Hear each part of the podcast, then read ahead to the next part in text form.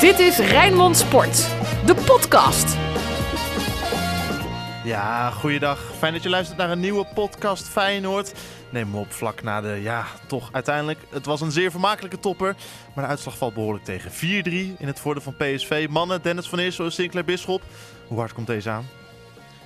Ja, je koopt er als Feyenoord niets voor. Hè. Bij fases in deze wedstrijd uh, kwam Feyenoord goed voor de dag. Ook grote delen van de wedstrijd niet hoor. Dat PSV erboven liggen. was. Het leek met blokjes van kwartiertjes steeds te gaan. Ja, en als je dan aan het eind van de rit aan het kortste end trekt door een hoekschop die geen hoekschop was, dan uh, ja, is dat wel erg vervelend. Was dit een recht, terecht resultaat, Sinclair, volgens jou? PSV was misschien wel iets beter, maar uh, ja, er zat gewoon meer in. En zeker in dit jaar kan het verschil wel eens worden gemaakt om in topwedstrijden uh, juist van onderlinge tegenstanders te winnen. En daardoor is dit wel heel zuur dat je tegen een direct concurrent, wat het is PSV, dat je uh, toch een onnodige nederlaag leidt. Al ja, als je vier doelpunten nu oploopt en vorige week in Rome vier doelpunten oploopt, dan ja, kan je nog wel zeggen dat er toch nog gesleuteld moet worden aan defensie en middenveld. Rood, wit, bloed, zweet. Geen woorden maar daden. Alles over Feyenoord. Man, hij ging alles, uh, alle kanten op de toppen tussen PSV en Feyenoord. Maar wat zijn dan volgens jullie de details waardoor PSV uiteindelijk aan het langste eind trekt? Nou, met name standaard situaties, hè, waarin is PSV heel goed. Dat zagen we eerder dit jaar. Ook al bijvoorbeeld uh, bij een wedstrijd uh, tegen Excelsior, waarin ze veel rendement hadden uit standaard situaties. En ook nu gaven toch die standaard situaties wel weer de doorslag. Zeker op het moment dat PSV niet in de wedstrijd zat. Dat gebeurde natuurlijk bij een 1-0 achterstand uh, voor PSV. Dat ze terugkwamen via een standaard situatie. En ja, uiteindelijk de winnende maken ze ook weer uit een standaard situatie. En dat mag Feyenoord zichzelf wel aanrekenen. Um, twee doelpunten sowieso uit standaard situaties en nog een paar gevaarlijke momenten. Dus uh, ja, dat is denk ik een van de redenen waardoor Feyenoord uh, uh, vandaag hier verliest. Wat kan je daar nou tegen doen, Dennis? Want je weet, dat gaf Arne Slot ook na afloop zojuist op de persconferentie aan. Je weet toch dat dit het, of in ieder geval één van de wapens van PSV is? Ja, ja PSV speelt er ook op. Hè, want uiteindelijk hebben ze volgens mij twaalf hoekschoppen hebben, ze, hebben ze afgedwongen. Dus ja, dat, dat ze door middel daarvan de wedstrijden naar zich, uh, naar zich toe trekken. Dat is, dan, dat is dan geen verrassing als je die kwaliteiten weet. Dus dat, dat, uh, het is ook deels een kwaliteit van PSV. Aan de andere kant, volgens mij bij de, bij die eerste, uh, bij die 1-1 worden er ook wat afspraken niet, niet nagekomen. Hè. Gaan echt, dus de, ze doen op zonneverdediging en de sterke koppers moeten er zijn. Maar hij kan zo makkelijk weglopen bij iemand. Dat kan nooit de bedoeling ook zijn geweest. Ja, en ook heeft Feyenoord veel hoekschoppen weggegeven. Dus nog die hoekschoppen verdedigen is één, maar de wijze waarop Feyenoord ze heeft weggegeven vandaag. Niet alleen die laatste, die dan niet eens een corner was natuurlijk, maar ja, wat er daar vooraf uh, bij Feyenoord toch vaak ook onnodig is, is misgegaan. Feyenoord heeft onnodig ook veel uh, standaard situaties weggegeven. En daar begint het natuurlijk al mee, dat je dat tegen deze tegenstander, juist tegen deze tegenstander, niet moet doen. Ja, hoe zat het verdedigend bij Feyenoord vandaag in zijn algemeenheid? Nou, ik denk met name ook op het middenveld hè, dat, uh, dat daar ook veel misging. Want op zich Trauner en Hansko uh, hebben best een degelijke wedstrijd gespeeld. Tuurlijk ging daar wel veel fout, maar zij kwamen soms ook in de positie waardoor zij ook keuzes moesten maken. Omdat het middenveld, en daar hebben we het natuurlijk ook vooraf wel over gehad, uh, misschien toch te aanvallend was voor dit soort wedstrijden. Met Deelroossoen, die matig speelde op dat middenveld. Kukcu en Timber, die op zich ze nu dan wel een niveau haalden, maar die afstanden klopte niet altijd. En, en, en, en, dan kom je tegen deze tegenstander toch wel in de, in de problemen. En ik moet zeggen, ook de zijkanten, die vond ik wel kwetsbaar met Pedersen en met name Lopez. Die uh, ja, ook sommige voorzetten echt eruit hadden moeten halen. Bijvoorbeeld ook uiteindelijk dat doelpunt vlak na de pauze. Dat kan je zeggen, ja, Lopez uh, uh, loopt daar niet goed mee. Of Bijlo moet beter uit zijn doel komen. Maar Pedersen moet er ook zorgen dat Gakpo niet zo makkelijk die voorzet kan geven. Dus ja, verdedigend dat doe je natuurlijk met z'n allen, maar ik vond ook met name de zijkanten, de linker en de, de linker en de rechtsback, dat die uh, toch ook niet hun niveau haalden. Nou, je hebt het over dat aanvallende middenveld, Sinclair. En, en daarbij is het niet alleen dat je die drang naar voren bij die spelers ziet. Maar het is ook dat ze op eigen helft sommige acties maken die je meer op de helft van de tegenstander verwacht. Hè? Uh, bij de 2-1, uh, die Roosum leidt uiteindelijk dat balverlies. Misschien is het wel een overtraining hoor, van, uh, van Sangre. Als, de VAR er wel op had ingegrepen was het misschien niet gek geweest. Maar hij moet überhaupt op die plek op het veld dat risico natuurlijk niet, niet nemen. En daarin zie je echt dat het een aanvaller is die dan op een plek op het veld is waar hij normaal gesproken niet staat. Hè. Kan hij bij de rand van de 16 van de tegenstander, kun je dit wel permitteren als het misgaat. Uh, en soms gaat het ook goed, want dat was bij de 2-2 begint met hem dat hij ook zo'n beweging maakt. Maar ja, op de eigen helft, in de buurt van je eigen 16 meter wie dat doen. Ja, dat is nou net zoiets waar je ziet, ja, uh, dat kan op als je dus als middenvelder speelt, kan dat daar dus niet. Nou, wat, je, wat opvalt is dat uh, Feyenoord natuurlijk de laatste twee wedstrijden weinig tegenstand heeft gehad. Het was eigenlijk eenrichtingsverkeer tegen Sturm en ook tegen Sparta. En dan komen de verdedigende kwaliteiten van bijvoorbeeld Lopez en ook Dilrosun. Ja, die worden eigenlijk niet blootgesteld. Maar nu uh, zagen we dat, dat dat wel eigenlijk uh, moeizaam verliep. Heeft natuurlijk ook wel met de kwaliteit van de tegenstander te maken. Maar ja, feit is wel dat het dus toch de ideale elf. Het leek een beetje of dat leek te staan. Maar ik denk dat, dat Arne Slot toch nog de komende twee weken echt gaat gebruiken om te kijken hoe die ja, ook bepaalde wedstrijden moet gaan aanvliegen. Hè? Dat je in, uh, zeker tegen zwaardere tegenstanders misschien ook niet met dit midden, middenveld kan spelen. En uh, Simanski, ik moet zeggen, die komt natuurlijk dadelijk ook wel weer erbij. Maar het blijft er toch wel bij van ja, een verdedigende middenvelder, uh, die is er eigenlijk niet in de selectie. En ja, op de backposities kan je ook, zijn er denk ik ook nog wel twijfels. Want ja, vandaag zagen we dat echt verdedigend, ja. dat met name de backs toch in de problemen kwamen. Ja. Mocht de luisteraars zojuist getoeter horen, de vaart, het, het, het vlaggenschip van de Holland America Line, de Rotterdam vaart, die zojuist al toeterend voorbij de studio van Rijnmond. Okay. Dus en als, dat, als, mensen dat hier, als mensen hier dingen horen, wij zitten namelijk op de gang, want op dit moment is de persconferentie bezig van Ruud van Nistelrooy. En we staan tussen de Ralf Edstreum en de Luc Nieleszaal. En op de gang loopt iedereen voorbij. Dus zojuist kwam er ook een heel groepje PSV'ers langs met These en ook uh, uh, Boy Waterman, de reservekeeper. En die keken ons echt aan. Wat zitten die nou weer te doen en waar hebben ze het over? Wij hebben gewoon die wedstrijd gewonnen. Ja, ja, ja. Hey, man, we hadden het over dat middenveld hè? En, en over het ontbreken van een echte nummer 6. Uh, hoe moeten we dat nou plaatsen? Is het nou naïef van Arne Slot dat hij met zo'n aanvallend ingesteld middenveld deze wedstrijd ingaat? Of heeft Arne Slot simpelweg geen andere keuze op dit moment? Dat laatste is het, is het op dit moment. Uh, in de ideale situatie had hij hier denk ik niet zo, uh, niet zo gestart. Simanski nog niet fit genoeg om, om te beginnen. nou is dat ook een aanvallende middenvelder. Ja, en hij heeft simpelweg geen... Uh, nummer 6 te vervangen van. Dus ja, Mats Wiever op termijn uiteindelijk. Die is de laatste keer goed, goed ingevallen, uh, ook dat wel. Maar... Geertruida zou kunnen, maar die is er nu Ja, Geertruida zou kunnen, maar die, die mis je dan. Hè? Maar dat geeft wel al aan hoe, uh, hoe dun het is. Um, dus ja, dat was, het was niet uit luxe dat hij vandaag het middenveld opstelde zoals hij dat, zoals hij dat deed. Heeft Justin Bijlo, bondscoach Louis van Gaal, vandaag doen twijfelen, denken jullie? Mm, nee, want als je vier doelpunten tegenkrijgt dan kan je ook niet zeggen dat hij een clean sheet houdt of dat hij uh, uh, er heel veel uit, uit heeft gehouden. Ik moet wel zeggen, er waren een paar momenten in de wedstrijd waarin hij wel uitblonk. Zo'n geweldige redding op een schot van Veerman die hij uit de kruising tikte. In de tweede helft ook nog wel een redding. Maar je kan ook bij bepaalde doelpunten kan je ook kijken naar de keeper. Ik kan me zo voorstellen dat Frans Hoek en uh, uh, Louis van Gaal wel wat vinden van de 3-2 van Teel. En uh, misschien ook wel van de vierde treffer waarbij ze vinden dat hij moest komen. waar ik denk dat hij wel op zijn lijn moet blijven als Obispo die bal binnenkomt. Maar met name toch bij, bij doelpunt 3 naar de pauze ja, dan blijft hij op zijn lijn staan als die voorzet komt. En die bal wordt dan uiteindelijk door Guus Til binnengelopen. Ik denk dat er ook wat miscommunicatie was tussen Lopez en uh, uh, Bijlo. Maar ik blijf erbij, die voorzet had ook niet zo makkelijk gegeven moeten worden. Peders had Gakpo wel wat uh, korter moeten houden. Doelpunt 1 ook, hè, waar die corner uiteindelijk uitvalt. Ja. Ja, dat is een lopende man, hè. daar kan Bijlo weinig aan doen. een keeper kiest er wel voor om mensen bij de palen te hebben. Nee, precies, maar ik bedoel meer de aanleiding naar de hoekschop, bedoelde ik. Ja, nou ja, daar, daar ging natuurlijk ook veel mis. Uh, en, en dat was jammer, want Feyenoord zat in die fase het beste in de wedstrijd, 0-1 voor. Er waren zelfs momenten dat als Feyenoord het beter uitspeelde. Nog een kans van Danilo die die overschoot. Had hij ook breed kunnen leggen. Of uh, als hij hem afrondt, ja, dan, uh, dan, dan weet ik niet of PSV er nog bovenop komt. Ja, de eerste echte, echte, echte kans is dan vanuit die hoekschop raak. Ja, dan kan tot ineens de wedstrijd. Hè. Nee, details zijn vaak toch beslissend in topwedstrijden. En dat was nu ook het geval. Mannen, ik wil met jullie even luisteren naar, uh, naar toch een positieve boodschap die Arne Slot zojuist tegen jou, Dennis, had op de persconferentie. Ik denk dat we heel erg goed op weg zijn. Dus uh, we hebben vooral heel veel goede wedstrijden gespeeld. We hebben een ontzettend slecht moment gehad in, uh, in Rome. En als je ziet de drie wedstrijden daarna, hoe we daar ons hebben getoond, dan ziet daar alweer een enorme verbetering in. Ook vandaag in een topwedstrijd hier zo heeft dit nieuwe team zo denk ik heel goed gehouden. Ja, was uiteindelijk dus niet genoeg voor de winst. Maar snappen jullie wel wat Slot hier zegt?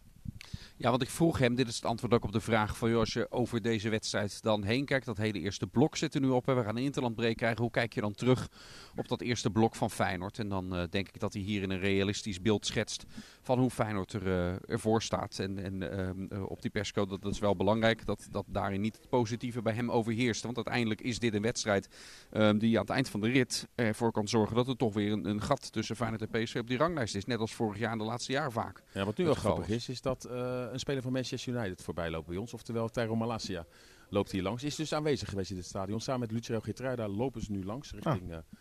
ja, richting, uh, ik weet niet waar, maar was dus hier in het stadion aanwezig. Zag dus zijn voormalige ploeggenoten, heb ik het over Tyro Malasia, vandaag uh, verliezen. Grappig om te zien dat Malasia hier langs loopt en dus bij de wedstrijd was. Samen met overigens Jetro Willems en met Lucero Geertruida, die dus vanaf morgen zich gaat melden bij Jong Oranje. En als het goed is wel weer inzetbaar is voor Feyenoord na de interlandbreek.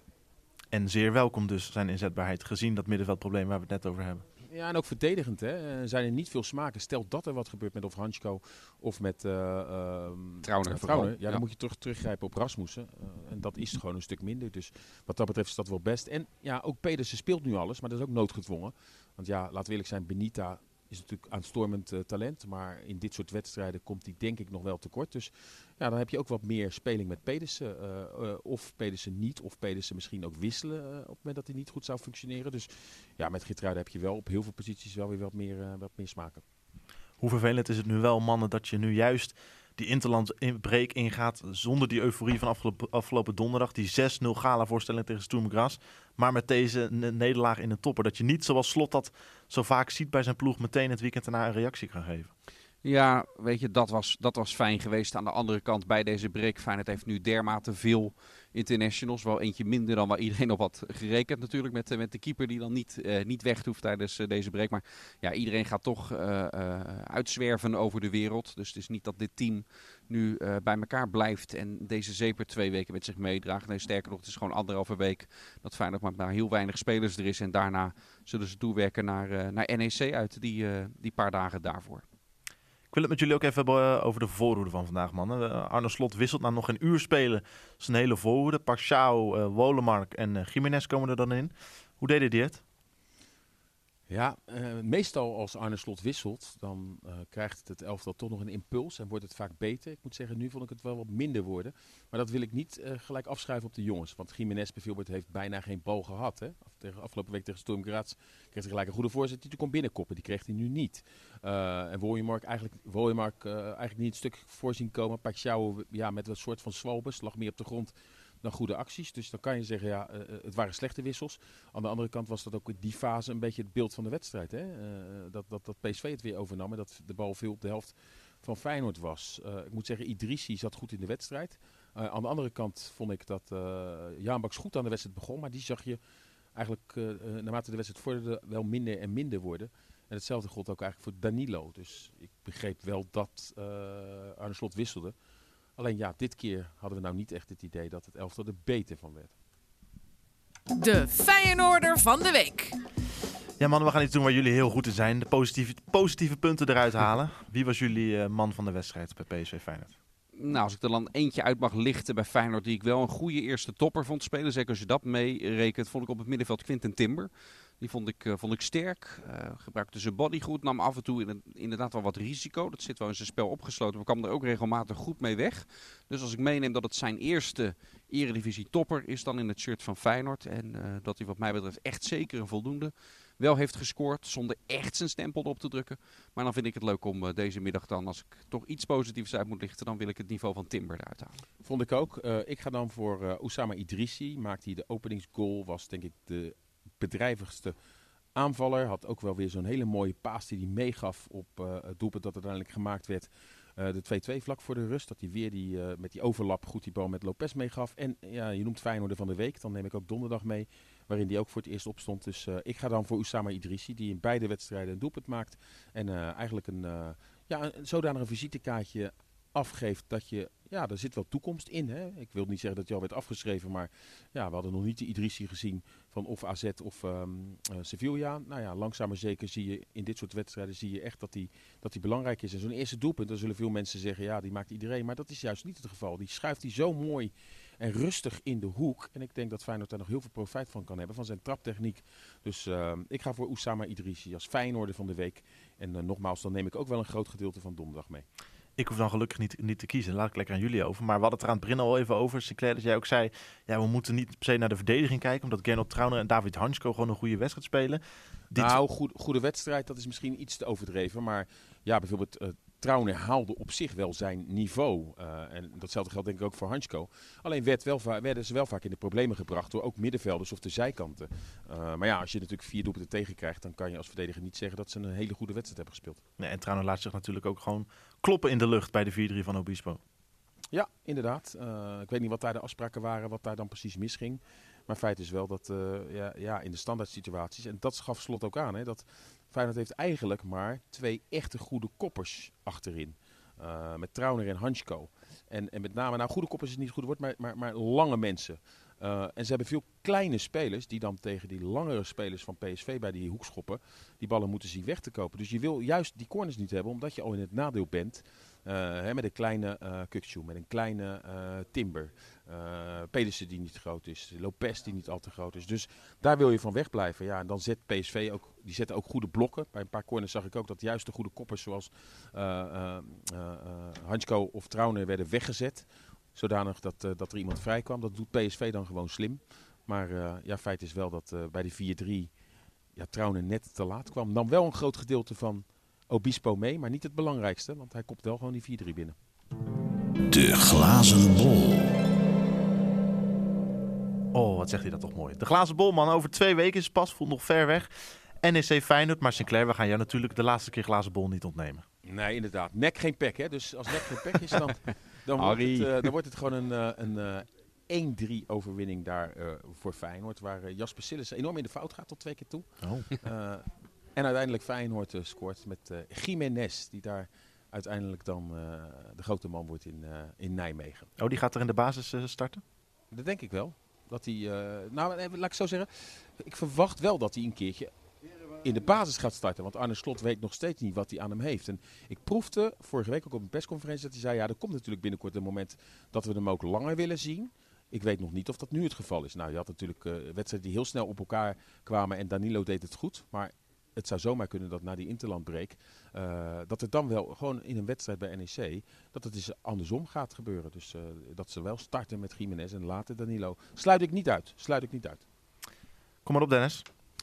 Ik zeg 0-3. Uh, eenvoudige middag voor Feyenoord. En dan gaat er iets gebeuren wat we niet zo vaak zien bij Feyenoord. Veel te, veel te weinig eigenlijk ook naar de zin van Arne Slot. Feyenoord komt op voorsprong ook zijn strafschop. Dus ja, dan weet je al wie je maakt. Ja, ja, ja. Dat is Kuxi dan, in mijn voorspelling. Nou, staat genoteerd. Moet ik dan ook nog volgens jullie? Ja, ja, ja. ja. Oké, oké. Ik ga Frankie, op naam van Frank. Ik ga weer voor een 0-4. Dat was het vorig jaar ook, hè, geloof ik. Nee, nee, Feyenoord nee. vorig jaar achter. 1-4 was het vorig jaar. Ja. Dan. ja. En uiteindelijk wisten ze wel uh, Je hebt gelijk, ja. te winnen. 0-4, Alireza Jaanbaks met de 0-1. 0-4 wordt het uiteindelijk, denk ik. Ik schrijf het allemaal op, staat allemaal genoteerd. Prima, man. Het zit erop, Sinclair. Ja, en de, de, de, daarbij, dan wil ik even van de gelegenheid gebruik maken. Ik heb nog, iedereen heeft jou al verrast. Dan kan ik natuurlijk niet achterblijven. Ik dacht, ik doe dat toch. Uh, waarin wij de beste klik uh, uh, hadden. Wij zullen niet, jij hebt wel eens gezegd eerder de laatste weken Sinclair. Wij gaan niet bij elkaar op de verjaardag komen. We gaan niet de deur bij elkaar platlopen. Maar wanneer de microfoon erbij was, hebben wij een enorme klik met elkaar. Zo heb ik dat ook ervaren. Dus ik dacht, ja, dan moet ik tijdens de laatste keren dat wij samen met de microfoon de handen zitten. Moet ik juist is dat het moment dat ik jou nog iets ga overhandigen. Mooi. Uit mijn tas hier gehaald. Ja, geweldig. In, Die moet ik ook mooi in blauw ingepakt. Maak hem nu maar alvast open. Spannend. Hier erbij. Hoor eens, kijk eens. Ah, geweldig. Ja, Opdat we bedankt voor de nooit vergeten. En dan zie ik een mooie fo foto met uh, ons bij een, een Rijnmond auto. Een paar jaar geleden. Dus uh, nee, je gaat een mooi plekje krijgen. Heel mooi. Ik, uh, ik moet een extra prijzenkast moet ik aanschaffen met al Ja. die dingen, al die mooie attributen die ik, die ik heb gekregen.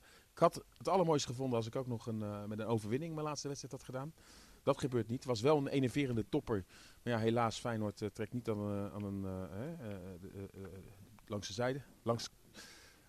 Zo, ik, ik raak nu een beetje eh, Ja. van me apropos. En de- in al die jaren Sinclair ken je me Hij, emotioneel hij, hij, hij valt... Nee, hij dit was, dit was in de garage in, eh, bij, bij Young Boys. eh, dat we was- met, die, ja, met die auto, die hele klopt. lange autorit. En ook op dat soort momenten, want dat vind ik toch nog even wat, wat mooi. We hebben heel veel mooie, bijzondere dingen meegemaakt. Wat ik het meest bijzonder vind aan al die jaren Sinclair, ook dit. Want dan zit je met elkaar, nou ja, wat is het, 14 uur Ja. in de auto.